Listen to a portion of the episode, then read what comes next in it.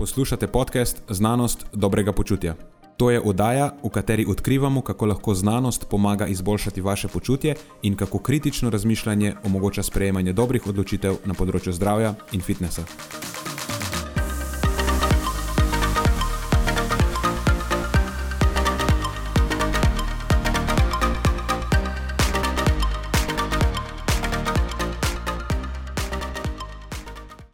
Pozdravljeni, z vami sva Nenad in moj sovoditelj Matjaš. V tokratni epizodi so na sporedu v uvodu najprej moj zadnji v January update, potem pa glavni temi pesticidi v prehrani in ali so ekološko pridelana živila res boljša za naše zdravje v primerjavi s konvencionalno pridelanimi živili, za konec pa še kritičen pogled na dodajanje kolagena oziroma želatine v prehrano in kakšne koristi, če sploh kakšne, lahko na podlagi trenutne teže dokazov sploh pričakujemo od tega. Preden začnemo, pa se moram zahvaliti še našim sponzorjem. Zaenkrat to še vedno ni velika korporacija, temveč zvesti poslušalci, ki nam izkazujete zaupanje in podporo s prijavo v našo člansko skupino Znanost dobrega počutja. Hvala vsem, ki s tem držite luči prižgane in omogočate podkastu, da raste in postaja še bolj kakovosten. Hvala tudi vsem, ki nas podpirate s pozitivnimi komentarji in visokimi ocenami, ter s tem, da priporočate podcast svojim znancem in prijateljem. Zdaj pa je končno čas za začetek epizode. Uživajte ob poslušanju.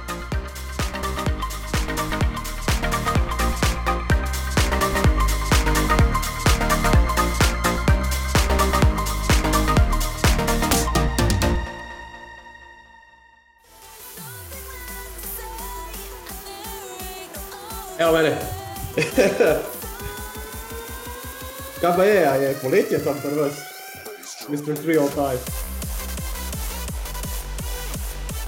Če bi imel stravo, bi vedel, zakaj sem brez majice. A me strava še imaš spet? Moraš se prijaviti, da bom imel več followerjev. A to je trenutno kaj? Dva. Tri, A, tri, okej. Glihkar sem steka. Sem rekel, dokler te čakam, gremo od Lafata enkrat do Bosnice, pa nazaj, standardno ruto. Bravo, vsaka čast. Ti si, eh, res tako, vse stranski športnik, prato. Tek na Cross smučeh, athlete. Navaden tek, fitness, uh, bodyweight, vse. Vse. Vračam se k tistemu našemu projektu, ki smo ga zadnjič opustili Mhm. zaradi nepredvidenih zapletov, poškodb in tako naprej. A, zdaj si se zrehabilitiral, ne? Zdaj si pripravljen. Pripravljen. Okay. Tako da glasba mi je še ostala. sem je še ugasnil. Ne, se pravi, da jaz podpiram to. Zdaj bo hudel.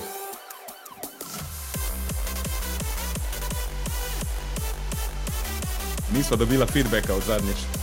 Za glasbo, ja, Nadaljujem. jaz, Jaz kar nadaljujem. Dej, dokler ne dobivaš feedbacka, je vsakič glasba na meniju. Čakam, da bo poletje, veš, da spet se lahko vrnemo v party mood, da gremo na eno tako zabavo. Ok, za dosti je bancije. Nina jo nobena aplikacija omaknila, tako da po mojem ni nekih uh, copyright infringementov. Če vmes govoriva, pa ima glasba.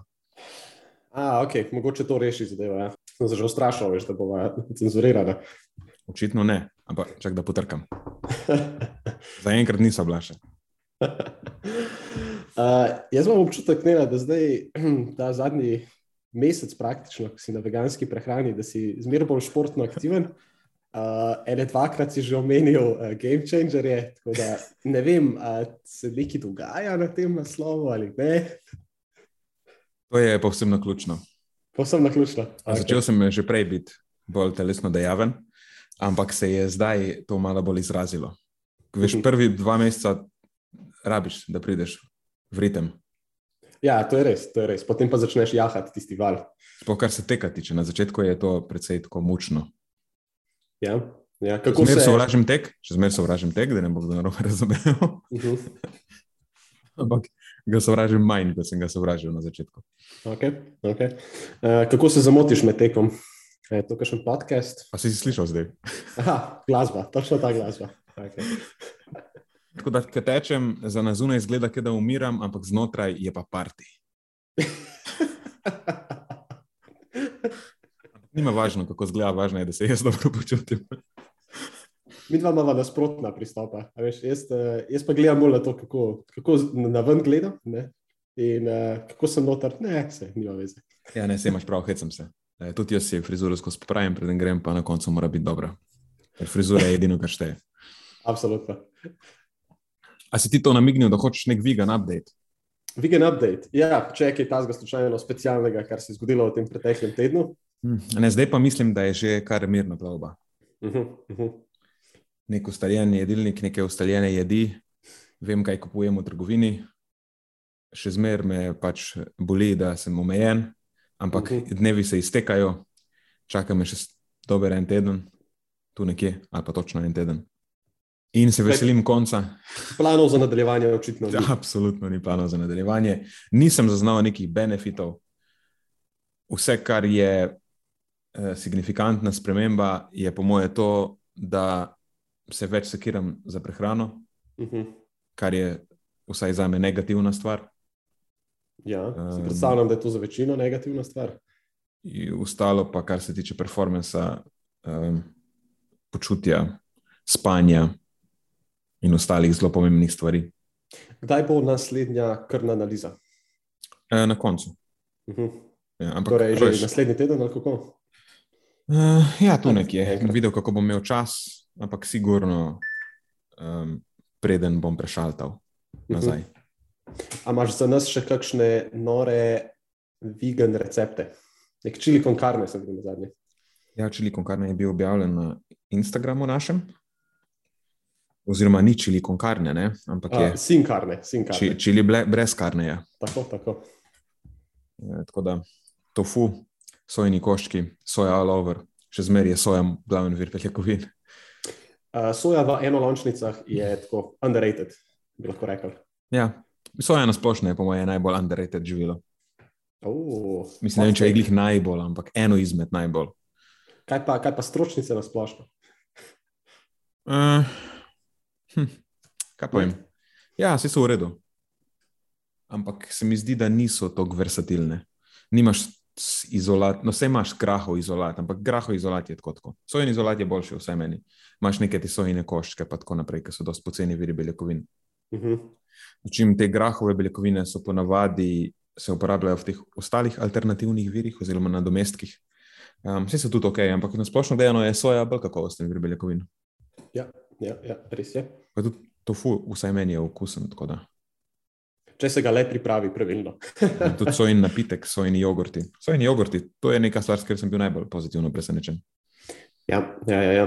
Uh, še posebej, če so od uh, Alprota, sicer pa ja, tako. tako. Ah, Kaj pa vem, mislim, Alprotovi so hands down najboljši.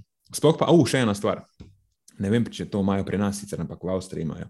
Uh, skir style, Alpro, torej sojin skir. Pomeni, da je ta tekstura tako bolj uh, gosta, kako Ja, tak je, smetanasta. ja, tak je bolj kompakten kot je skir.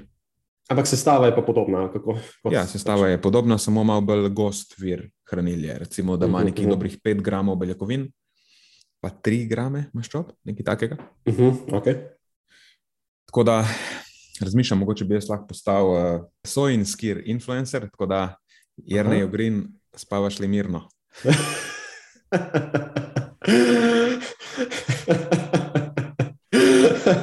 Ne, ampak veš, kaj je zabavno? Ko si tako omejen v prehrani, začneš zbirati pa ceniti živila, ki jih sicer ne bi nikoli izbral.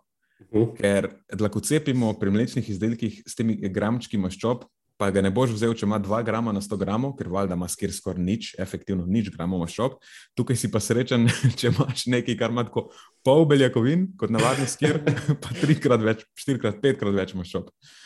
Pa se sploh ne pritožuješ. Ne, v bistvu si vesel, da sploh neki tazga obstaja. Ja. Uh, je pa tako, da meni je realno boljši po okusu. Mislim, ni presenečenje, zakaj. Bolj mastenje. Mhm. Uh, Unskir je pač tako kiselkast malo, pa ni glih najbolj uh, palatabilno živilo na svetu. Začim svoj jogurt, oziroma svoj skir. Gre skozi, ne? Gre skozi, sploh če ga pokombiniraš čim, pa ga malo Mhm. us- usladiš. Pa. Ok, ok. Dobro. To je, Dobro, kar pa se pa- tiče Super, pa ti pa želim srečno, srečni ko- konec tega, oziroma kaj je to, finish line, finish line tega uh, challengea. Tako je, finish line. Sem že tik pred ciljno črto. Tako, tako. Manj kupenih ponudb, eh, da me bodo ljudje pelali na razne jedi. Eh, Po mojem naslednjem mesecu lahko sem z tega živim. Povabil po koncu veganjarja. Pa ne uganem, niso, niso veganske narave. Absolutno, So- da niso. Ljudje mi obljubljajo ribe, divjačino, navadne pice, a veš, same take lepe stvari. To je res. To je res. Čeprav navadne pice, to je nekaj, kar ti tako že prej nisi pravzaprav tako zelo. Uh, navadne v kontekstu tega, da bi bil sir gor tega prej. Ja, ja, ne. Ampak včasih je pa dati kako ne vem, suho mesnino ali pa kak puz vir beljakovin drug bor. Mhm. Ampak se nisem čist avers do sira, kak parmezan pa to paše gor, ampak nimam pa rad one pice, ki tako pač teče sir z njim. Mhm, mhm. Mislim, jaz tega ne razumem, ampak ja, seveda, sej. Ja, vse tukaj so si različni. Evidentno, Ne, hecam se. evidentno so si različni. Evidentno, ja. Drugače pa prejšnji teden sem se ujel, da pogrešam eno vrsto specifično mesa. Ne boš verjel? Res? Ja, To je. divjačina. A lovec v tebi se je prebudil ponovno. Ujel sem se, da tako sanjarim o nekem golažu, tako vsaj, vsaj divja, divji prašič, da je noter, če ne Veš kaj, je, jelensko meso. Pa. že skoraj en mesec zatiraš tega hunter-gathererja v sebi in zdaj prihaja na plano. Mogoče. Mogoče. Ok, to je to, kar se tiče uvoda. Mhm. Danes imamo spet neke zanimive teme. Ja, res je, tako kot vedno. No, vsaj upam, da tako kot vedno. Ja, to mogoče se zdaj mi dva slepiva. Jaz sem kar predvideval, da to so zanimive teme. Ja, ja, deva kar tako reči, to so super zanimive teme. Uh, kaj so tvoje super zanimive teme? Danes se bomo lotili ene tematike, ki je, se mi zdi, da zanima veliko ljudi, tako dost Mhm. kontroverzna je ali pa inflamatorna.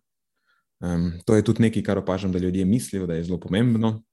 Dostkrat um, se s tem obremenjujejo neodvisno od ostalih prehranskih dejavnikov, oziroma se celo ne odločijo za neke koristne spremembe, zaradi tega, ker se teh stvari bojijo. In to so kontaminanti v prehrani, ampak specifično pesticidi. Uh -huh. In Mhm. kako je sprememba prehrane povezana z tem bremenom pesticidov, ki ga doživljamo. Ok, super. Um, ne boš verjel, ravno pretekli vikend sem imel predavanje za Karate Zvezo Slovenije, Mhm. uh, njihovo neko drugo stopnjo usposabljanja. Uh, in velik delež tistega QA porcije predavanja je potem teklo na to temo. Tako da zanimivo, da se je ravno tako uh, nekako poklopilo to skupaj. Mhm. Tako da, ja, hotel sem samo to reči, vedno aktualna tema. Yep. Kaj imaš ti? Uh, moja tema se je pa začela s takim nedolžnim uh, Instagram vprašanjem, vezanih na kolagen. Uh, in potem sva po skupnem pogovoru v bistvu odprla kar nekaj zanimivih tem ven iz tega, ki nekako um, ene se dotikajo specifično kolagena, druge pa se uh, dotikajo enih čist drugih tem in pogledov na prehrano. Tako da, Mhm. uh, ja, na, na, Good. na, na to, v to smer bomo zarinali. Ja, ugotovila sva po tem pos- pogovoru, da je kolagen neka stvar, o kateri tudi jaz že dlje časa razmišljam, oziroma razmišljam o tem, kako je ta kolagen sprejet, eh, glede na to, kakšna teža dokazov je dejansko v ozadju za njim. Se mi zdi, da smo malo prehitro skočili na ta vlak in zna biti, da bomo malo spremenili naše stališče, oziroma ga bomo pristrigli v luči ja. teže dokazov Ja, ja. na tem področju. Evo, točno to se, se, se absolutno strinjam. Da to je bila v bistvu ena izmed teh tem znotraj drugih tem, o katerih sem se hotel malo pogovoriti. Uh, ampak ok, da ne bomo prehitevali. Dej, bom kar začel jaz s temi pesticidi, da obdelava to. Tako, začni. Um, zakaj sem se odločil danes za to? Zato, ker smo pred kratkim dobili eno zanimivo raziskavo, ki tako stvari precej dobro postavi v kontekst. To recimo, da je uh, ena stvar, ki je mogoče prej manjkala, pa si zdaj na podlagi njihovih rezultatov lahko neke stvari razjasnimo, lahko razčistimo zadeve in jih postavimo v kontekst. Sicer na nek način smo to lahko že prej naredili, ampak smo morali malo več domnevati kot mogoče zdaj.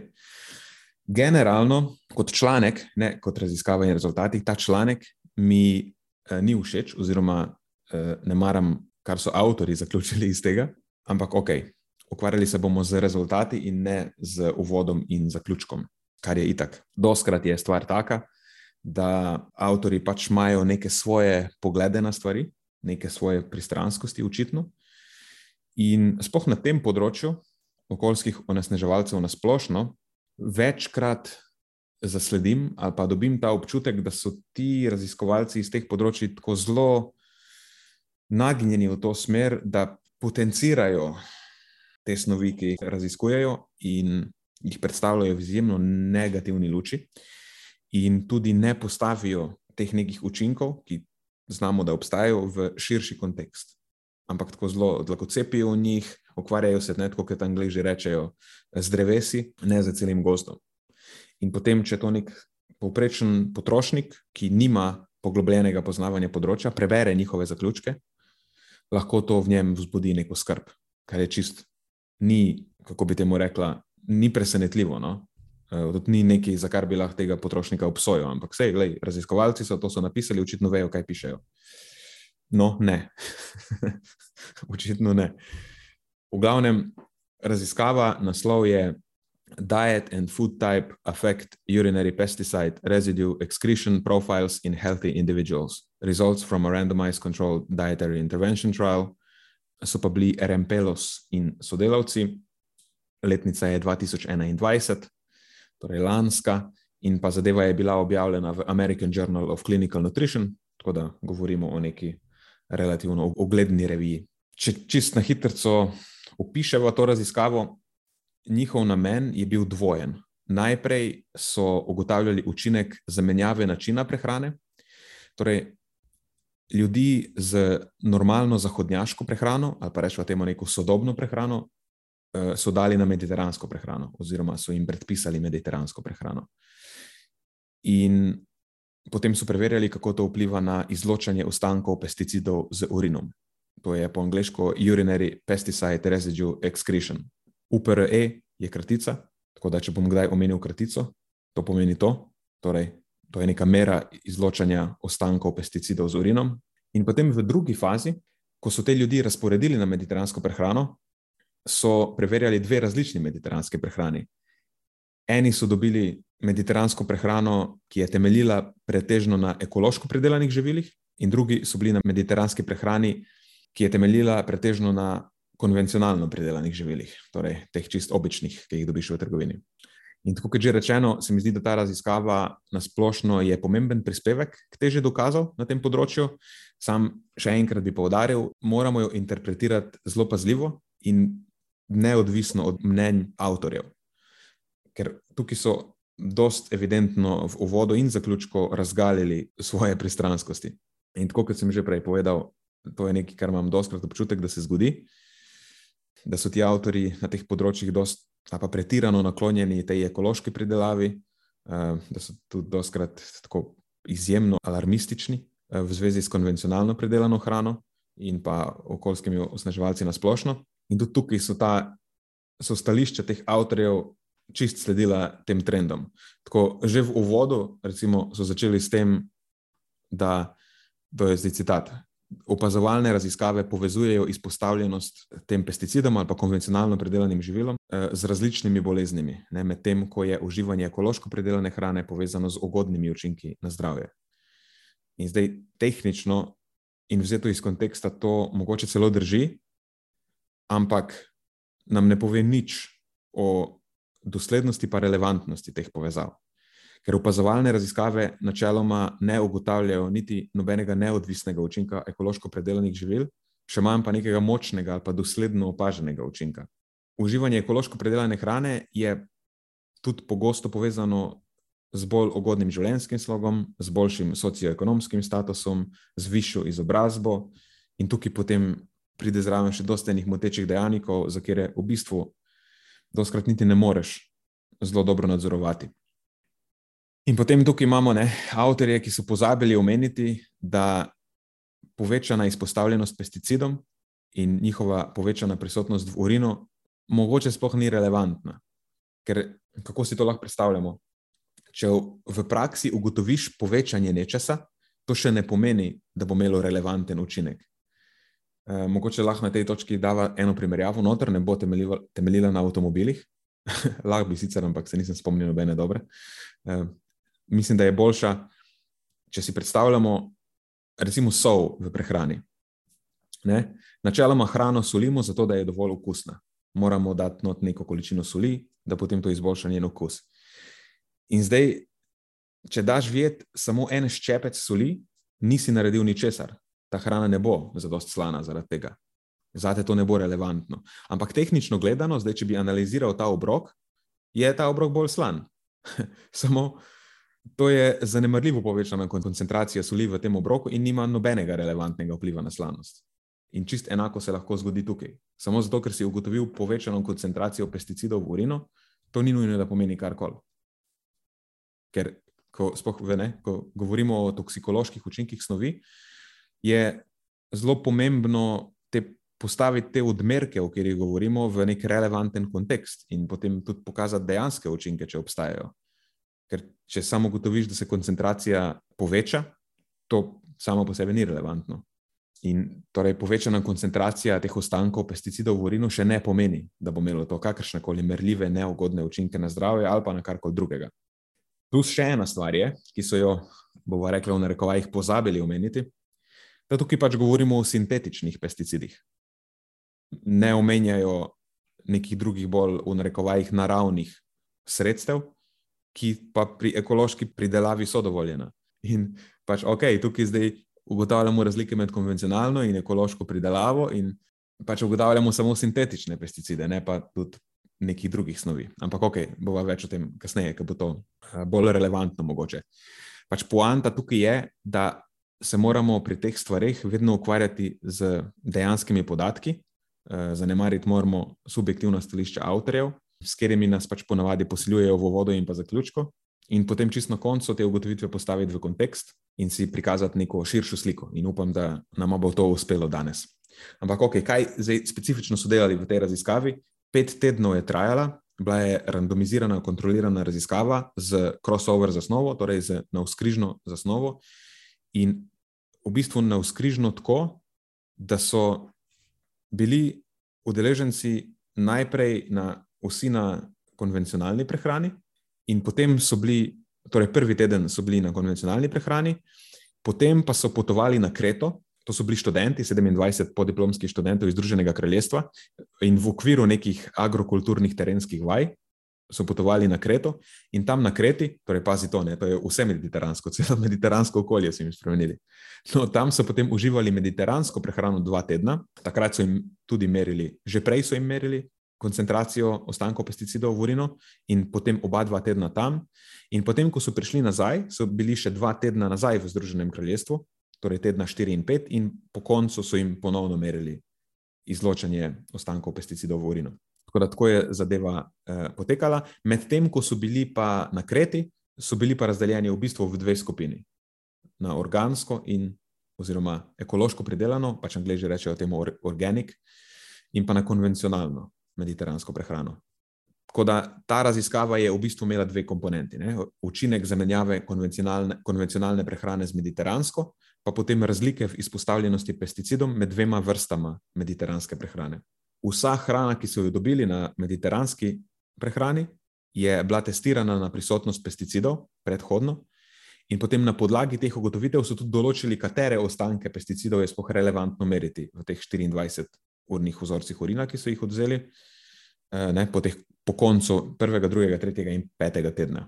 Mm, torej, preverjali so specifično te na koncu snovi, ki so spoh v tej hrani prisotne. Eh, plus, to je še ena, še en plus, plus, to je še en plus eh, te raziskave. Da so bili vzorci urina tudi testirani na prisotnost ostalih pogostih okoljskih pesticidov, To pa zato, da bi preverili, če je lahko sprememba lokacije spremenila izpostavljenost tem pesticidom. Ne, ker mogoče ne bi bila prehrana, ampak samo to, da so oni šli na Kreto, bi zadeve zapletlo. Um, in s tem so v bistvu probali nadzorovati, zato, da je šlo res za učinek prehrane in ne za učinek nekega okolja. Ker vemo, da tudi v okolju so različni onesnaževalci prisotni, lahko konec koncev tudi v vodi ali pa na nekih površinah, ki se jih dotikamo, na oblačilih, ki jih nosimo, in tako naprej. Eh, no, primarni izid raziskave je bil torej ta urinary pesticide residue excretion, UPRE, torej izločanje ostankov pesticidov v urino. To pa je v bistvu koncentracija ostankov pesticidov v urinu, ki jo izmerijo, pomnožena z volumnom urina. In ta UPRE je bil izmerjen za vsak pesticid posebej, in pa tudi za eh, skupne pesticide in eh, skupine pesticidov. No, zdaj smo pri rezultatih. In glavna ugotovitev je bila to, da sprememba iz zahodnjaške prehrane na mediteransko prehrano je povečala izpostavljenost pesticidom, če so udeleženci uživali konvencionalna živila na mediteranski prehrani, ne pa če so uporabljali ekološko predelana živila. In to zdaj, ne, če poveš tako, lahko izpade, okay, očitno je pomembno, na kakšen način zdaj jaz spremenim svojo prehrano na mediteransko iz konvencionalne eh, prehrane, ali pa nek, oziroma iz navadne, sodobne prehrane ampak bomo videli, če je to res. No, najprej pa še malo terminologije, da bomo sploh lahko razumeli, o čem govorimo. Torej, v raziskavi so v urinu preverjali koncentracije sintetičnih pesticidov. Uh, sintetični pesticidi so nadpomenka za vsa sintetična sredstva, ki se uporabljajo za uničevanje škodljivcev na pač primarno pridelovalnih površinah, ampak lahko tudi na drugih nekih površinah, ne vem, na travnikih in tako naprej. In glede na to, na kere škodljivce specifično ta sredstva delujejo, jih potem lahko v glavnem razdelimo še na dve skupini, oziroma te dve skupini sta bili relevantni v tej raziskavi. Eno so insekticidi, ki uničujejo insekte, in pa herbicidi, ki uničujejo škodljive rastline in plevel. No, v vsako od teh kategorij pa potem lahko razvrstimo najrazličnejša sredstva, ki imajo različne mehanizme delovanja.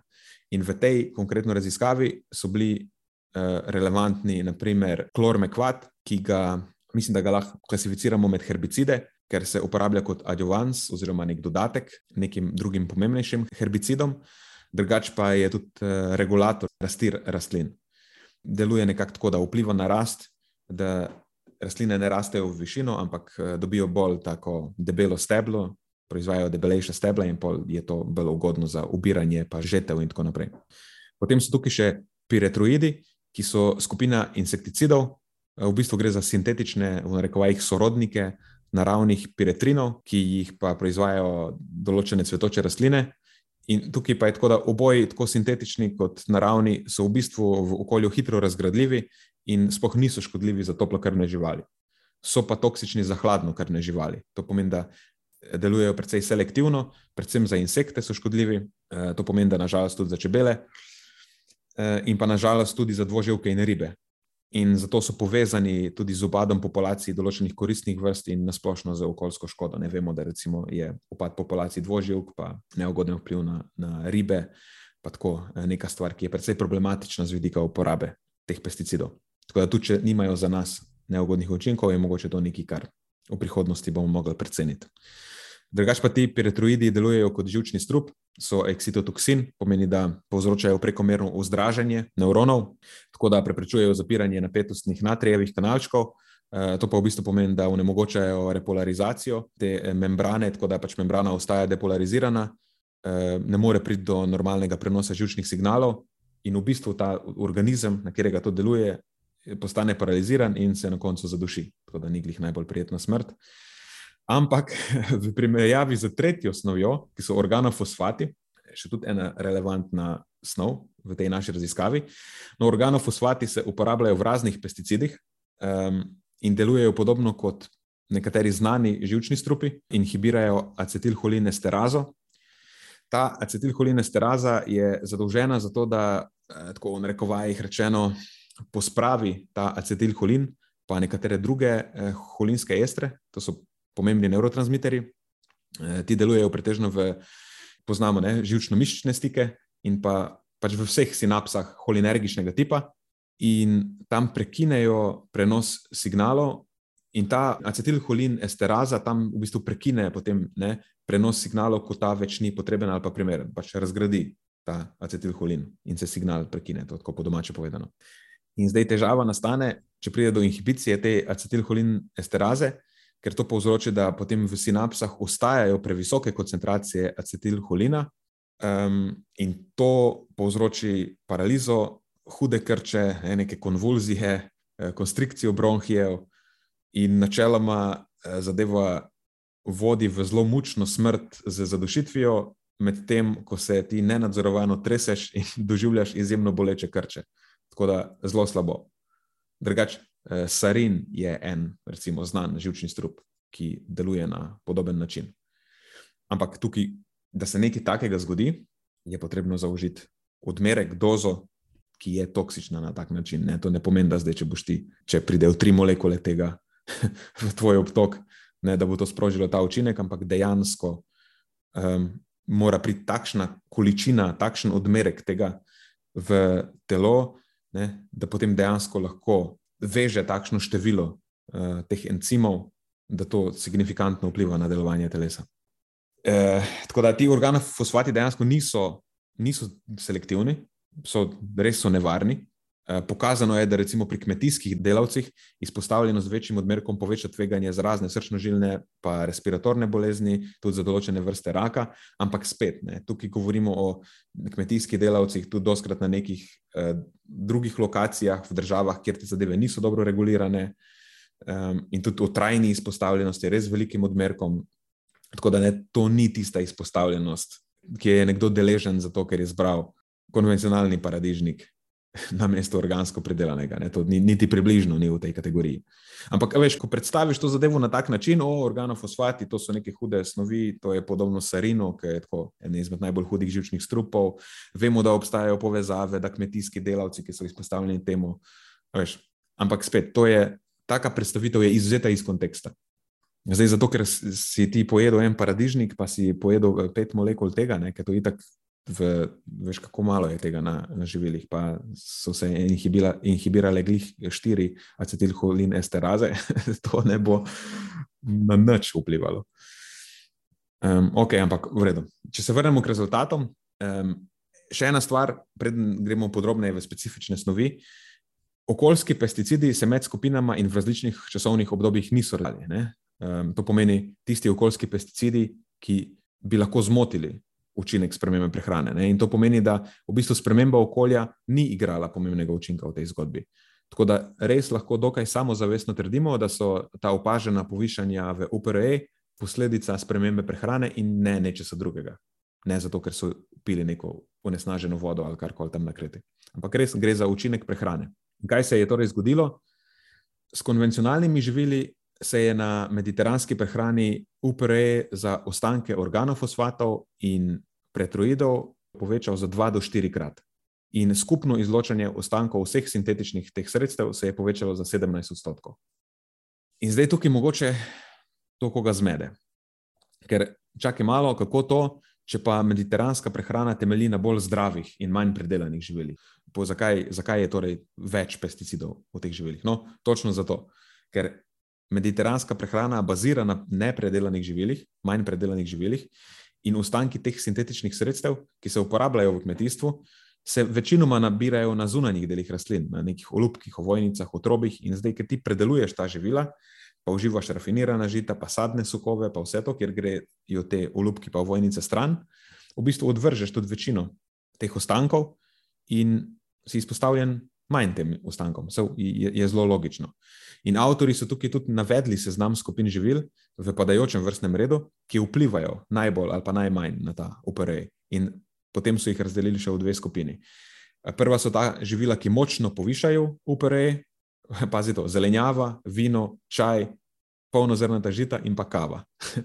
In potem so živila, ki Eh, šibko povišajo UPR ali pa imajo najmanj učinka na to, so živila živalskega izvora, ne, raz, tudi predelane, razne klobasice, take stvari, visoko procesirane živila na splošno, sadje in sadni sokovi, izdelki iz rafiniranih žit, pivo, pa kis. Torej, torej, če bi bazirali samo na tem, bi potem samo uh, obrnili naše klasične prehranske smernice v drugo smer. To ja, čisto v kontrasmer. Dej, vi uživajte neuravnoteženo prehrano naprej in za noč prehrano, glavno, da se ne poviša vam OPR. In, in dejansko tukaj lahko vidiš en zanimiv vzorec, ki ti že v začetku daje slutiti, kako relevantni bodo ti rezultati. Ker živila, ki močno povišajo OPR, so živila, ki so najbolj dosledno povezana z boljšimi zdravstvenimi izidi pa na drugi strani imaš pa živila, ne, ki nimajo močnega vpliva na UPRE, pa so glih tiste živila, ki, so, ki nekako veljajo za najmanj ugodne. Ampak ok, da do konca razložim še ostale rezultate, pa bo več o tem povedala. Um, v glavnem, skupen UPR za sintetična sredstva je bil za 91 odstotkov nižji pri skupini, ki je na mediteranski prehrani uživala ekološko predelano hrano. In skupina na ekološko predelani hrani je zabeležila nižje UPR, to je spet v padajočem vrstnem redu za ostanke klormekvata za minus 95 odstotkov, organofosfatov za minus 72 odstotkov, vseh skupnih insekticidov za minus 66 odstotkov, piretroidov za minus 53 odstotkov in pa skupnih herbicidov za minus 26 odstotkov. Tako da to so kar visoke številke.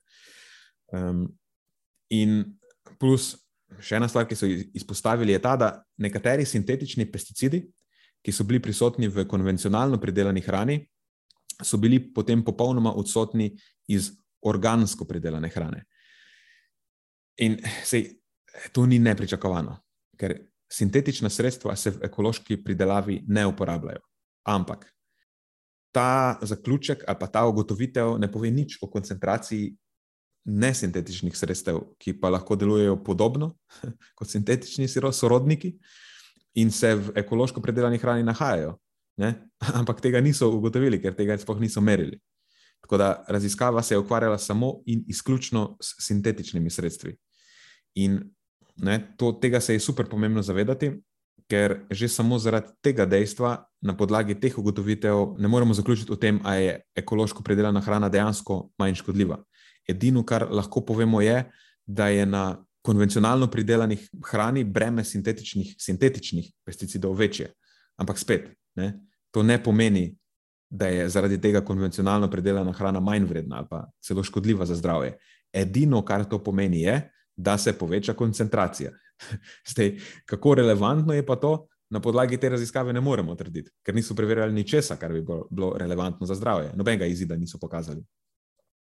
In če želimo zdaj ugotoviti ali pa sklepati o tem, kakšen učinek eh, bi to dejansko lahko imelo na naše zdravje, pač moramo preveriti celotno težo dokazov iz tega področja in tudi to povečanje koncentracije sintetičnih pesticidov v urino moramo postaviti v ustrezen kontekst.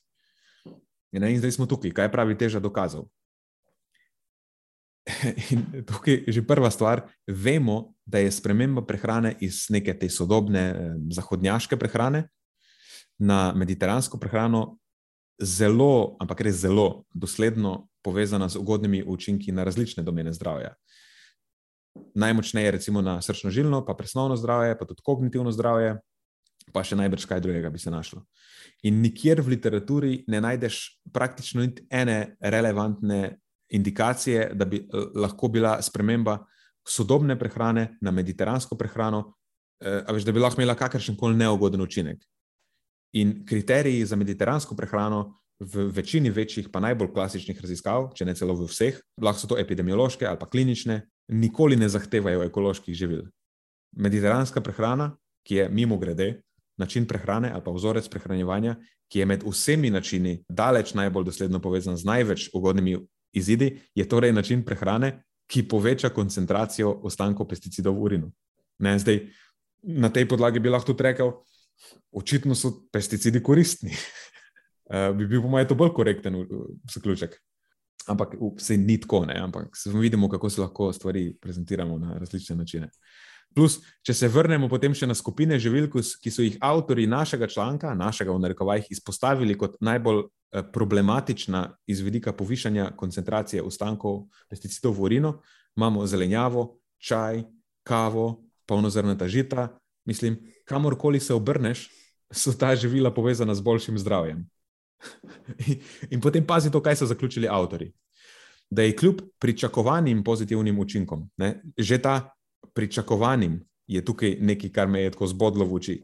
Mislim, pozitivni učinki mediteranske prehrane, ki zamenja sodobno prehrano, na tej točki več niso pričakovani, ampak so tako praktično garantirani.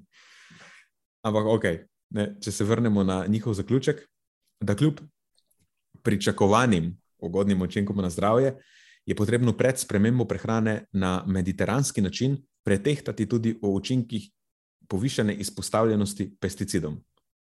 Oprosti, meni osebno se to zdi butast zaključek.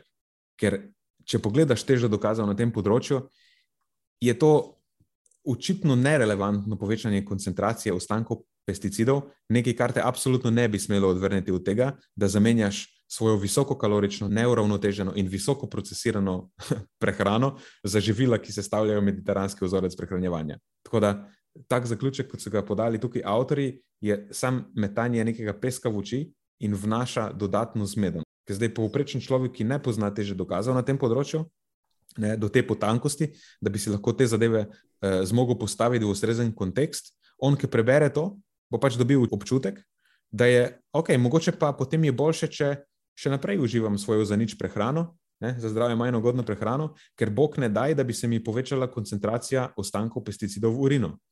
Medtem, ker je to v resnici to povečanje z vidika zdravja, zaenkrat kaže, absolutno nerelevantno. Um, in tukaj na tej točki se lahko navežem še en, na en novejši sistematičen pregled na to temo, Eh, z naslovom A Systematic Review of Organic versus Conventional Food Consumption, s podnaslovom Is there a measurable benefit on human health? To so Vigar in sodelavci iz leta 2019. No, njihov zaključek je, recimo, to je citat, da trenutno dokazi ne dovoljujejo stališča, da ima ekološko pridelana hrana pomembne ugodne učinke na zdravje.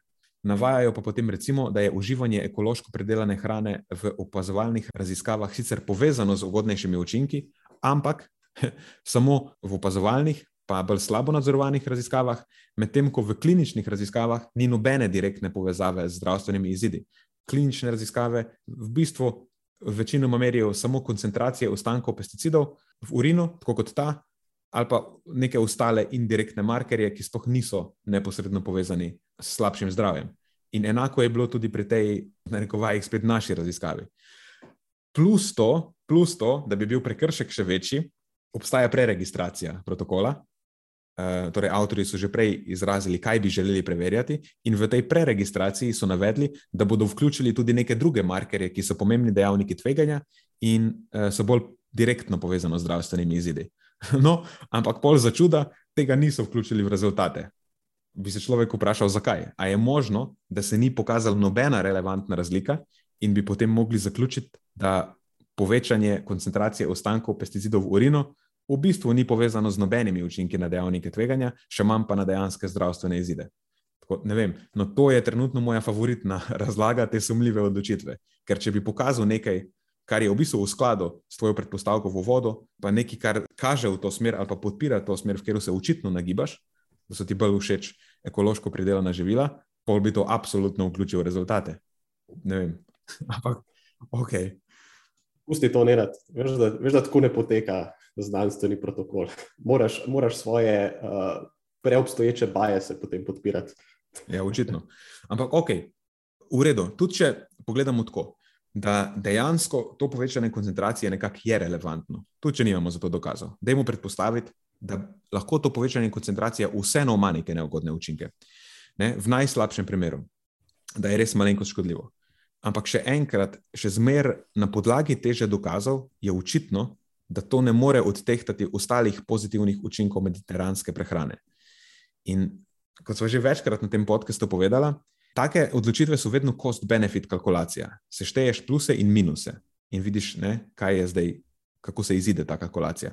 In tudi, če se izkaže, da je povišana koncentracija pesticidov v urinu nekaj, kar bo imelo manjši neugodni učinek na zdravje, je tukaj še kupica ostalih, pa močnejših ugodnih učinkov mediteranske prehrane, a veš, ki to potem povsem odtehta, očitno na koncu.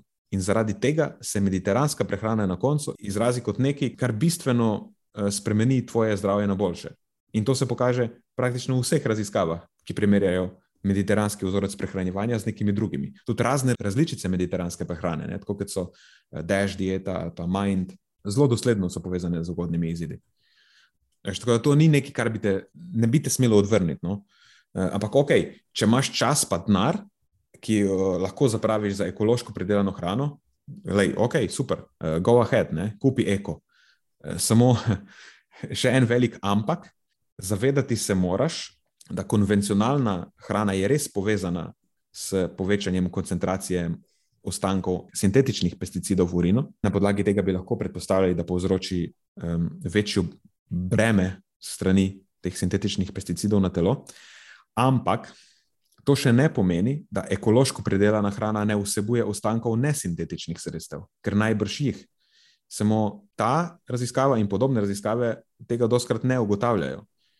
Vemo pa, da tudi ekološka pridelava mora uporabljati določena sredstva. In tudi ta sredstva niso vedno manj škodljiva. Eh, včasih so celo manj selektivna in imajo širši spekter delovanja, kar je v bistvu slabše. Tako da o tem pa tudi mislim, da smo že večkrat govorili na, na podkastu. Gre za neke vrste naturalistično zmoto, kjer predvidevamo, da če je nekaj sintetično, je nujno slabše.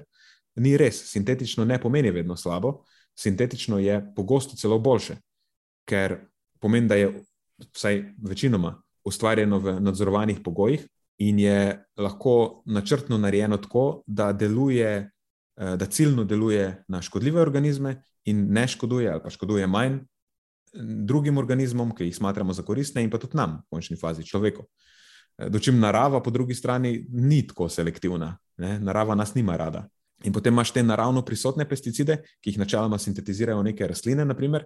Te stvari niso selektivne zato, da ne bodo škodile nam ali pa nekim drugim živalim. Ampak rastline dejansko eh, hočejo v narekovajih čim širši spekter delovanja, ki pobije eh, čim več različnih organizmov, ki bi lahko tem rastlinam škodile. In tudi dejansko imamo dokaze, ki kažejo, da so lahko ta določena ekološka sredstva bolj škodljiva, tako človeku kot okolju. Tako da ekološko ni vedno garancija za živila z manj toksičnimi ostanki.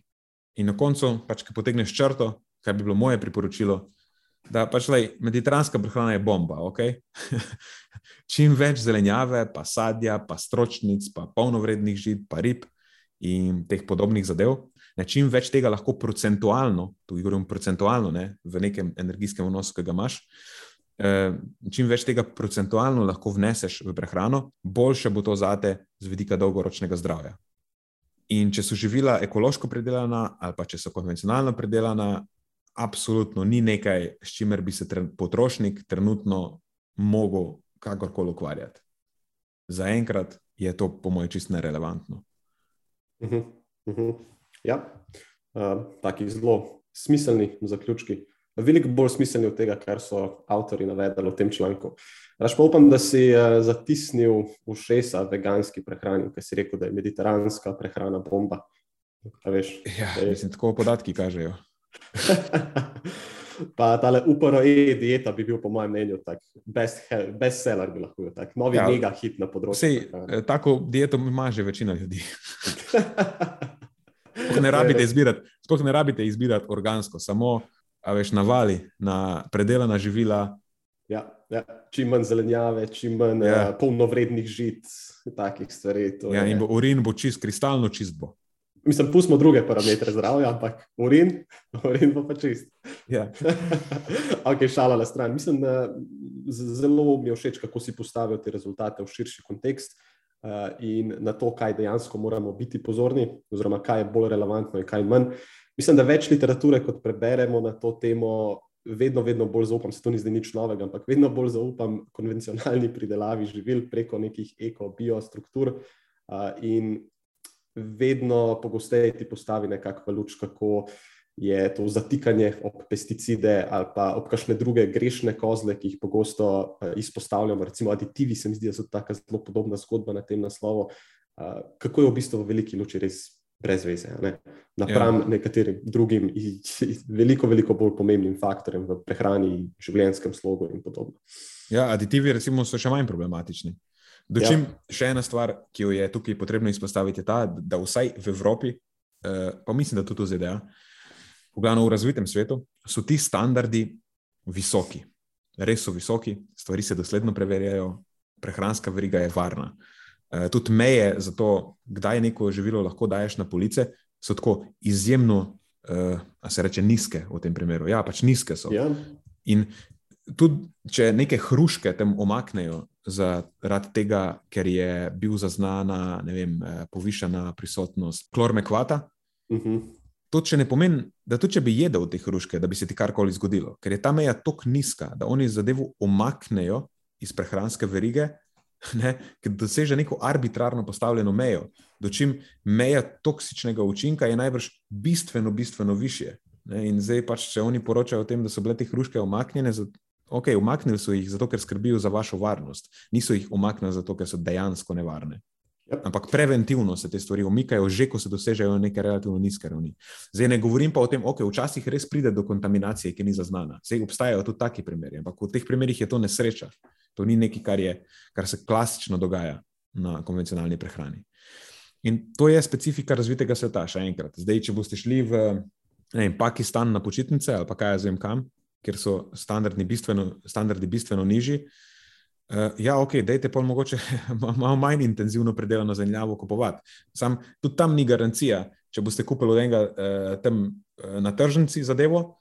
A veš, pa ljudje, ki te zadeve v manj razvitih delih sveta pridelujejo doma, pa jih pol prodajajo na tržnicah, njim tudi ni v interesu, da skrbijo za vašo varnost. Ampak so doskrat pol te uh, domači proizvodi lahko še bolj onesnaženi kot konvencionalno predelani, ker veliki proizvajalci vsem so nekomu odgovorni na višji ravni, pa se te stvari malo bolj dosledno preverjajo. Tako da v nerazvitih delih sveta bi jaz mogoče še bolj zaupal konvencionalni pridelavi. Ja, ja, good point. Uh, jaz opažam, da smo tako generalno gledano kot potrošniki zelo nezaupljivi do živil, ki se nahajajo na policah naših trgovin. Ampak, ampak to ni Teksas, to ni tako divji zahod varianta. Veš, to je, tako kot si omenil, to je stvar, ki je izjemno, izjemno dobro kontrolirana, vsaj v razvitem delu sveta. Ne, na robe si rekel, Teksas je razviti del sveta, mogoče reči, to ni Pakistan. Ja, pardon. Teksas ponad povezujemo z Wild, Wild West. Nisem mislil Teksas kot Teksas. Drugač pa, smešna zgodba. Zadnjič sem jedel eno grozdje in zašalo vedno preverim, odkje te zadeve prihajajo. In je bila tako država porekla Namibija. Tako da, me... Ja, tako je zelo, neki random. ja, ampak načeloma, se, načeloma so tudi te stvari preverjene. Če, če enkrat pride v Evropsko unijo, veš, mora dosegati neke standarde, tudi če je iz, iz neke tuje države. Tudi če, ne vem, boste jedli, kaj, vem, kaj v Pakistanu predelujejo. To bo šlo skozi nek postopek. Ne, tukaj pol govorim, če res kupiš v Pakistanu stvar. Ampak ne vem, ja, ja. lahko pa da sem se čist zmotil, pa so v Pakistanu full hudi standardi. Ja, mogoče zdaj v Pakistanu delaš krivico, veš? To je čist mogoče. Dobro, bova izdala um, uradno opravičilo v naslednjem podkastu, če, če je temu tako. Ja, naj se nama javi eh, ambasada pakistanska. Bomo popravila, če to ni res. Popravimo škodo. Drugač pa omenil si, da raziskovalci prikazujejo pesticide zelo pogosto v izjemno negativni luči, oziroma jih ne postavljajo v širši kontekst, tako da se ukvarjajo z posameznimi drevesi, ne, ne pa s celim gozdom. In ironično imam občutek, da se v bistvu popolnoma enako dogaja tudi na področju raziskav o kolagenu, ampak v obratni smeri. Veš, podpihovanje učinkov kolagena na podlagi tako, takih zelo šibkih metodoloških raziskav in ponovno neustrezno postavljanje tega kolagena v kontekst prehrane kot celote. A, bi, mm -hmm. bi se strinjal s tem? Ja, absolutno. Vse, nekaj predstaviti, kar imaš, pa bo pol zapakirala to v širšo sliko. Uh, ok, lahko. Um, hotel sem samo to povedati, da uh, raziskave o kolagenu, tako čisto na hitro, se mi ravno ne zdijo najmočnejše. Večina jih je usmerjena v te lepotne efekte kolagena, kjer se čisto iskreno nisem tako zelo, zelo poglabljal, ker me bolj zanima športni aspekt. Ampak tisto, kar pa sem videl, bi pa tako rekel, da me ni ravno najbolj prepričalo. No? Ampak, uh, kot se reko, ne, da bo to mogoče kasneje omenila. Dajmo se preseliti v svet športne prehrane, kjer bi rekel, da je. Ehm, če pogledamo raziskovalno področje kolagena kot celote, mogoče še celo največ nekih dokazov, pa še ti dokazi so v bistvu realno gledano zelo, zelo šipki. Uh, imam recimo par zanimivih raziskav. Ena je taka klasična na to temo Čoja in sodelavcev iz leta 2017, uh, naslovljena Vitamin C Enriched Gelatin Supplement Before Intermittent Activity Augments Collagen Synthesis. In tukaj so, to je tako, rekel bi, kot neke vrste um, ta, tako raziskavo zelo pogosto zasledimo v, v svetu športne prehrane. Tam dodajo nekih 10 do 15 gramov hidrolizata kolagena, cirka ena ura pred športno aktivnostjo. Za konkretno v tem primeru je bilo to skakanje s kolebnico, če se ne motim, in uh, opazujejo, nekako, kakšen je tukaj učinek, in običajno opazijo, da, to, da ta dodatek kolagena dodatno spodbudi sintezo kolagena v tarčnem tkivu. Uh, še ena taka zanimiva raziskava je od Clarka in sodelavcev, uh, kjer pa so 24 tednov zapored slabih 150 študentov iz različnih ekipnih športov, ki so poročali o bolečinah v tetivah in ligamentih, so jih razdelili v dve skupini. In potem so 24 tednov zapored ti študenti pili bodi si 10 gramov hidrolizata kolagena, drugi pa so dobili placebo v obliki tazga, napitka s ksantanom, tako da so poskusili nekako izenačiti teksturo, okus in podobno ne, med obema napitkoma. In na koncu so ugotovili, da je ta interventna skupina imela statistično gledano signifikantne razlike na šestih različnih meritvah, v primerjavi z začetkom raziskave, napram tej placebo skupini, ki je ni imela. Tukaj so dejansko imeli nekega, zdaj ne vem, je to osteopat, nek, nek zdravnik je bil tukaj v igri, ki je z različnimi metodami potem meril bolečino v sklepih v različnih situacijah, v obustajanju, v gibanju, med hojo, med tekom, med spremembo smeri in tako naprej. Tako je to taka relativno zanimiva raziskava, ampak se pravi, no, če potegnemo nekako črto na, na teh raziskavah, ne morem glih reči, da imamo zelo, zelo trdne dokaze. Ko jih primerjamo s kakimi drugimi dopolnili na področju športne prehrane, recimo s kreatinom, to, to ne seže kreativno, tako niti do, niti do gležnja, pa niti do tega pinkija na, na, na nogah. Ne. Niti do nohta, najmanjšega do, prsta. Tako, tako. Niti, niti do nohta, najmanjšega prsta. No, ampak kljub temu bi vseeno poskusil odgovoriti na vprašanje, ki sem ga prejel na Instagramu in je bil nekako povod za to današnjo temo. Uh, in sicer kolagen kot prehransko dopolnilo ali pa kolagen kot, uh, kot, kot podnarekovaj prava hrana. Torej, ali potrebujemo prehransko dopolnilo za kolagen ali ne. Uh, in vezano na to vprašanje sem dobil še v bistvu dve taki specifični podoprašanji, ker kolagen, kot vemo, ga najdemo predvsem v želatini, pa najdemo ga v kostni juhi. Mislim, da je to tako precej popularno bilo ali je pa še vedno uh, v Ameriki, pri nas mislim, da niti ne tako, tako da jaz bi kar začel z gumi bomboni, zato ker uh, prvo kot prvo, to je eno izmed pač najljubših živil, eno izmed najbolj popularnih uh, športnih prehranskih živil, še posebej v svetu vzdržljivostnega športa. Uh, in odgovor tukaj je v bistvu zelo, zelo enostaven, ker raziskave, ki poročajo o koristnem vplivu dodajanja kolagena, um, na povečanje uh, sinteze kolagena v tarčnem tkivu, običajno uporabljajo to v količini cirka 10 do 15 gramov pred, načeloma bolj proti tistem zgornjem delu tega spektra. Zdaj, za gumi bombone lahko računamo, da ima cirka, če se ne motim, 5 gramov kolagena na 100 gramov izdelka, skratka, rabil bi nekih 300 gramov takega izdelka na dan, kar za večino ljudi, po mojem mnenju, ni glih najbolj realno. Ne, ne vem, če imajo vsi ljudje tak energijski budžet, da si bi lahko to privoščili.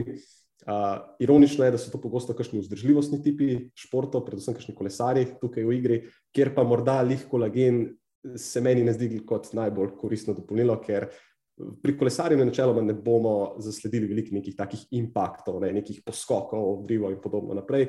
Mogoče je to stvar drugačna za kakšne vzdržljivostne tekače, še posebej kakšne tiste trail uh, trail tekače, ne, ki pač tečejo v, v, uh, mislim, zunaj, ne, ker so potem te podlage še malo trše, bolj ostre in podobno. Ampak za večino športnikov, v večini športnih situacijah, mislim, da tudi gumi bomboni odpadejo, kaj šele za uh, generalno populacijo. Uh,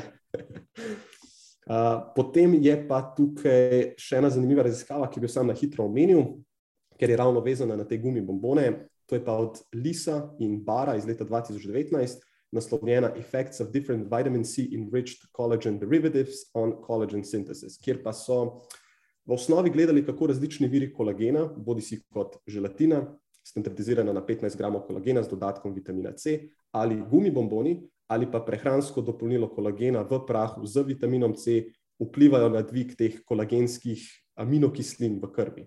In poročali so, da v bistvu samo gumi bomboni, pa ok, placebo skupina, nista uspešno sprožila dviga teh um, želatinastih aminokislin v tarčnem tkivu. Ampak jaz mislim, špekuliram, no, da se je tukaj šlo bolj za efekt vitamina C, kot pa česar koli drugega. Ker vsa ta dopolnila ali pa hrano, kako koli že, so uživali na tešče in tukaj bi morda vitamin C dejansko bil neka pomembna determinanta, ker moraš imeti zadostno razpoložljivost vitamina C za boljši učinek kolagena. Skratka, ne rabimo nujno imeti vitamina C poleg kolagena, ampak nasplošno uživati dovolj vitamina C iz prehrane, recimo v obliki sadja pa zadanjave. In jaz zdaj špekuliram, da je bila tukaj težava v tem, da so se pač enostavno celo noč pustili, ker tak je bil protokol. In prva stvar, ki so jo naredili zjutraj, je, da so pač vzeli to dodatek in potem merili vse te različne spremembe. In tista skupina z gumi bomboni je bila v bistvu edina brez vitamina C. Ne vem, A se ti strinjaš nekaj s to oceno, morda Ja, ali pa bilo bi- špekulacijo? Treba preveriti, kako se koncentracije vitamina C v obtoku spreminjajo tekom dneva. Recimo, to bi v bil- odsotnosti obrokov. Tako, evo, to je bila recimo ena tako dobra stvar, v katero se pa jaz roko na srce nisem zapletel, ampak tako čist, ne vem, mehanistično gledano se mi ne zdi ravno najbolj logično, da bi zdaj želatina kot taka imela pozitiven učinek, dočim tisti gumi bomboni pa niso. Edina razlika med njima pa je bila pravzaprav v tem vitaminu C. Ampak, ok, pustimo mogoče to še zaenkrat na strani. Um, Demo za konec omeniti še to kostno juho, ne, ki je bila nekako eh, drugo pod vprašanje, poleg teh gumi bombonov. Tukaj imam eno raziskavo od Alcoka in sodelavcev iz leta 2019, uh, naslovljeno Bone Broth Unlikely to Provide Reliable Concentrations of Collagen Precursors Compared with Supplemental Sources of Collagen Used in Collagen Research. Uh, Tle so v bistvu analizirali komercialno pogosto koriščene pripravke iz kostne juhe in so ocenjevali njihovo vsebnost, količino pa ponovljivost vsebnosti ključnih aminokislin, ki sicer ki jih sicer najdemo v kolagenu, torej glicin, lizin, prolin, hidroksiprolin, hidroksilizin in tako naprej. In so prišli do zaključka, da v prvi vrsti ni zelo velika količina kolagena ali pa teh aminokislin, vsaj napram tistim standardnim 15 gramom hidrolizena, hidrolizata kolagena, torej že sama količina, ki jo najdemo v takih juhah, je bistveno, bistveno nižja, pa tudi sama ponovljivost rezultatov je bila tako uh, all over the place, bi lahko rekli, enkrat malo manj, enkrat malo več. Tako da na kostno juho se težko opremo kot nek tak dosleden način pokrivanja potreb po, po kolagenu. Uh, in to ne iz nekih komercialno dostopnih izdelkov, in še posebej ne, če si jo pripravljamo sami doma. V bistvu, dejansko ne, ni, po mojem mnenju, načina, kako bi te stvari lahko standardizirali, da bi sploh imeli dosta aminokislin, pa da bi bilo to ponovljivo. Se, to je čisto logično. Če Seveda. kupiš 10 gramov želatine, pa z njimi želiraš vodo, mislim, da lahko zaželiraš liter vode skoraj. Ja. To pomeni, da koliko juhe poje povprečen človek, zihar ne liter. Recimo, da, Absolutno recimo, da 200 ml. ja, 200, 300, ajde rečemo 300 ml juhe. In če bi pričakoval, da je tukaj noter 15 gramov želatine, to bi bila pol en velik gumi bombon, tako res Ja, trd gumi ja. bombon. To, ne bi bila več juha, v glavnem. Ja. To bi mogel jaz z nožem. Pol. Ja, točno to. Kar, zdaj, kar rečeš, se v bistvu sliši kar zabavno eh, in bi bilo nekaj, kar bi jaz rad proval, ampak lej, če potegnemo črto, kostna juha, no go. Um, skratka, eh, dopolnilo ali prehrana, ja, najbrž bo tukaj dopolnilo bolj koristno, ampak zdaj pa postava zdaj te stvari v malo širši kontekst, a je to dopolnilo sploh potrebno. Ker Ja. to je v bistvu v prvi vrsti vprašanje, s katerim se bi mogli ukvarjati. Ja, zdaj, z vidika performansa dejansko imamo samo dve raziskavi. Ko, meni je samo zanimivo, pa tukaj v bistvu nas štejem zraven. Kako hitro smo bili iz nekega razloga pripravljeni skočiti na ta kolagenski voz, po drugi strani pa imamo toliko zapovedati čez neka druga prehranska dopolnila. A Veš, Mhm. uh -huh. Pa rečemo, ne, to pa ni, to pa ni, to pa ni. Pa se v redu ni. Ampak tudi kolagen za performance nima trdne teže dokazov. A veš, tako ne moreš ga uvrščati v isto kategorijo kot eh, z dokazi podprta prehranska dopolnila. Lej, ne bo škodil, absolutno. In obstajajo indikacije, da bi lahko bil koristen. Ampak ne moreš ga priporočati z nekim zelo trdnim stališčem, pa reči, jemlji to, da boš eh, zmanjšal tveganje za poškodbe. Tega sem ne moreš reči. Ja, res je. Res je. A, Zdaj- ali pa jemlji to in hitreje boš prišel, oziroma hitreje se bo regenerirala neka poškodba. Ja, to je zaenkrat samo še hipoteza. Ne bo škodil, obstajajo indikacije, ne moš pa tega trditi. Tako, tako. Um, plus, če se dotaknemo malo še tega področja lepotne industrije. Uh -huh. Um, zdaj, tukaj je zgodba podobna. Škodil najbrž ne bo. Ampak teža dokazov, ki jo pa imamo, je pa tako. Jaz sicer ne znam dobro interpretirati teh raziskav. Se spomniš, ko smo gledali to, ker so neki subjektivni merilci kakovosti kože, pa so pa tam slike neke kože narisane. Pa je bilo Ja, tako, ja, ok, ja. pa te zadeve sta isti, mislim, kako si zdaj gotovo, da a veš. Ja, ja, točno to. Uh, objektivnost je tako malo vzeta na stran in ogromno je na nekih subjektivnih doživljenjih, a je koža lepša, bolj sijoča, a so nohti večji, bolj trdni. Mislim, kako, kako niso tega zares kvantificirali, bodimo realni. To, je- to je bilo samo Ja, koliko se jaz spomnim, ja, je bilo tako, tako. No. Ja. Ampak, ok, recimo, če rečemo v redu. ne moremo svetovati kolagena kot nekaj, kar bo zdaj bistveno. Ne bo bistveno vplivalo na vides. Enostavno ne bo. Mogoče obstaja verjetnost, da lahko ima neke ugodne učinke, ampak če te interesira privlačen videz kože in nohtov, so še vse druge stvari bolj pomembne od tega. Kolagen je pol, se to pa že milijonkrat rekla, češnjica na vrhu torte. Moraš pojesti za dost beljakovin, vzdrževati ugoden življenjski slog, biti telesno dejaven, imeti ugoden presnovni profil, da se počasneje staraš, po domače povedano. Um, a veš, vse te stvari so bistveno bolj pomembne, in potem mogoče, če dosledno jemliš kolagen ali pa ješ želatino, kaj pa jaz vem, maybe lahko tudi to prispeva nek odstotek. Ja, se strinjam. In, in to je mogoče ravno to, kar najbolj pod narekovaj zamerim ti lepotni industriji. Konstantno se to upeva, ampak zanemarja vse te pomembnejše elemente, ki si jih ravno kar izpostavil. Pa ne vem, zakaj ti dve stvari veš, ne bi mogla delovati sinhrono, ena z drugo. Razumeš, se, se ja. lahko podpiramo zdrav življenjski slog, lahko podpiramo vem, redno fizično aktivnost, prehrano, la, la, la, in potem tudi dodatek tega. Ampak vse razumemo v osnovi. Ja. Jaz, bolj, jaz te industriji še bolj zamerim to, da se kolagen prodaja kot nekaj, kar je oh in sploh in kar je izjemno pomemben dodatek. Ni izjemno pomemben dodatek. Ni. Je nekaj, kar mogoče lahko ima neke koristne učinke, če so tudi vsi ostali dejavniki. Eh, tok, zakrpani, ne, da se potem to lahko dejansko izrazi. Ker če ti menj kadiš, pa popivaš, pa živiš sedeč način življenja, pa ne poješ za dosti beljakovin, pa bo ta kolagen na kakšno podlago bo pa padel. Še zmeraj boš zguban, pa star. Ja, ja, ja, ja točno to. Pri 30. Plus, kako za vraga se upravičuje tako visoka cena takih izdelkov na trgu? Pa mislim, to se gre za un, res, veš, najbolj. Um, Mislim, to, je, to je pač stranski produkt uh, živilske industrije. To, to, je, to je bilo za smeti, to je po mojem se dobi za, za par centov na, na kilograme in kilograme, ampak cene takih izdelkov so pa. Pogosto je. Ja. Dočim se imaš tudi nekaj, ki so relativno. Uh, recimo, da, ja, recimo, da jih lahko dobiš tam za nekaj. Recimo, da 40 evrov na kilogram je, je zelo kulturna cena. Uh, mm -hmm. zdaj, če to, zdaj, če, če to, Jaz sem malo pretiraval s ceno. ja, no, ampak ok. Re, recimo, da. Uh, to je recimo neka cena, ki bi jo še lahko upravičil. Da, da nekdo pač vzame kilo tega za 40 evrov, pa pol jemlje vem, 10 do 15 gramov na dan, koliko časa ga to drži? 100 dni, če ga jemlje 10, uh, eh, oziroma pač manj, če jemlje 15. Um, ok, za 3 mesece 40 evrov ni zdaj nek tak strošek, ki bi rekel, da bo bistveno načel tvoje ekonomsko zdravje, tvoje finančno zdravje. Um, je pa vsem potem veš, če to jemliš, smiselno poskrbeti, da so tudi vse ostale stvari zrihtane. Da je tvoja prehrana ugodna, da spiš za dost, da ne kadiš, da ne piješ alkohola, da si telesno dejaven. Ja. Potem je lahko ta uh, kolagen češnjica na vrhu torte. Zdaj, če pa torte nimaš, pa, pa pač imaš to češnjico, ki bo samo kisla, sama po sebi. Ja, absolutno se strinjam. Ena stvar mogoče še. Uh, to je pa situacija, kjer tudi ta češnjica ne bo češnjica, in to je nekaj, o čemer smo se že pogovarjali, pa je zdaj malo v spiritu Vigenjurja, in to so veganski spodbujevalci kolagena. Sam, sam še enkrat bi to rad poudaril. Yeah.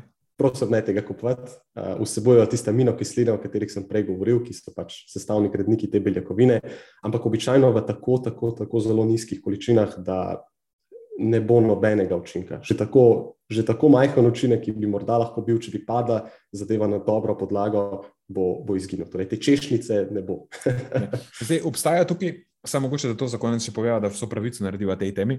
Mhm. Obstajajo hipoteze, da bi lahko bil um, glicin, povojno uh -huh, esencialna ja, ja. aminokislina uh, v določenih življenjskih obdobjih, sploh, oziroma da se lahko skozi te, tekom let predela neka, um, kumulativno, neko kumulativno pomankanje.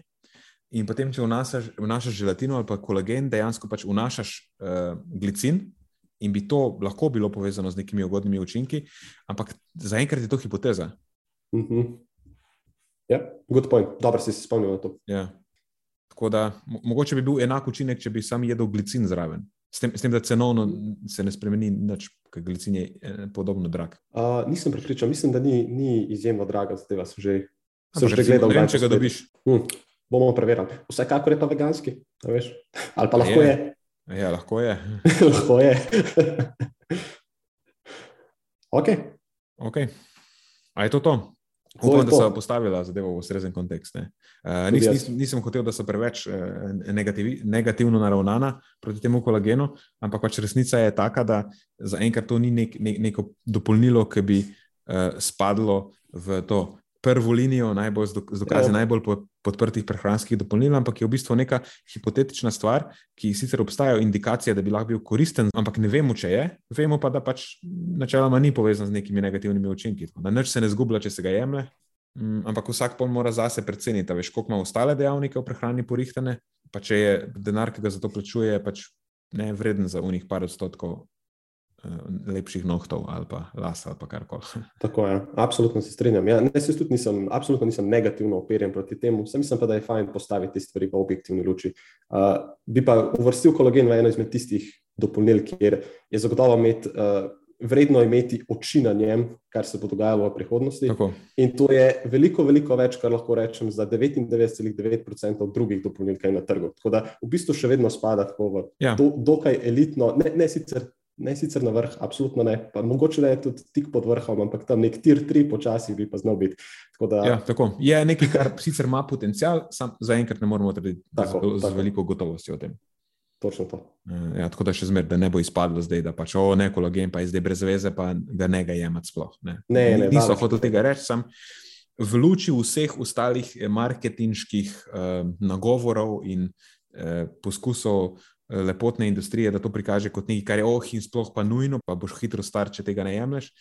Pač ne, ni tako. Zanimiva stvar, na katero bomo pozorni v prihodnosti, ne bo ti škodilo, če ga jemliš, ampak ne, da bomo ostali zadržani, da ne bodo ljudje pol preveč pričakovali od tega. Pa, pa, pa kupovali nekih pretirano dragih izdelkov. Ja, če ja, lahko ja. po neki kulturni ceni to dobiš, pa ti ni preveč, pa ne, ostale stvari so ok, Dobro, da se ne ponavljam. Go ahead. Super, dober disclaimer. Ja, ok. A je to to? To je to. Konc. Saga.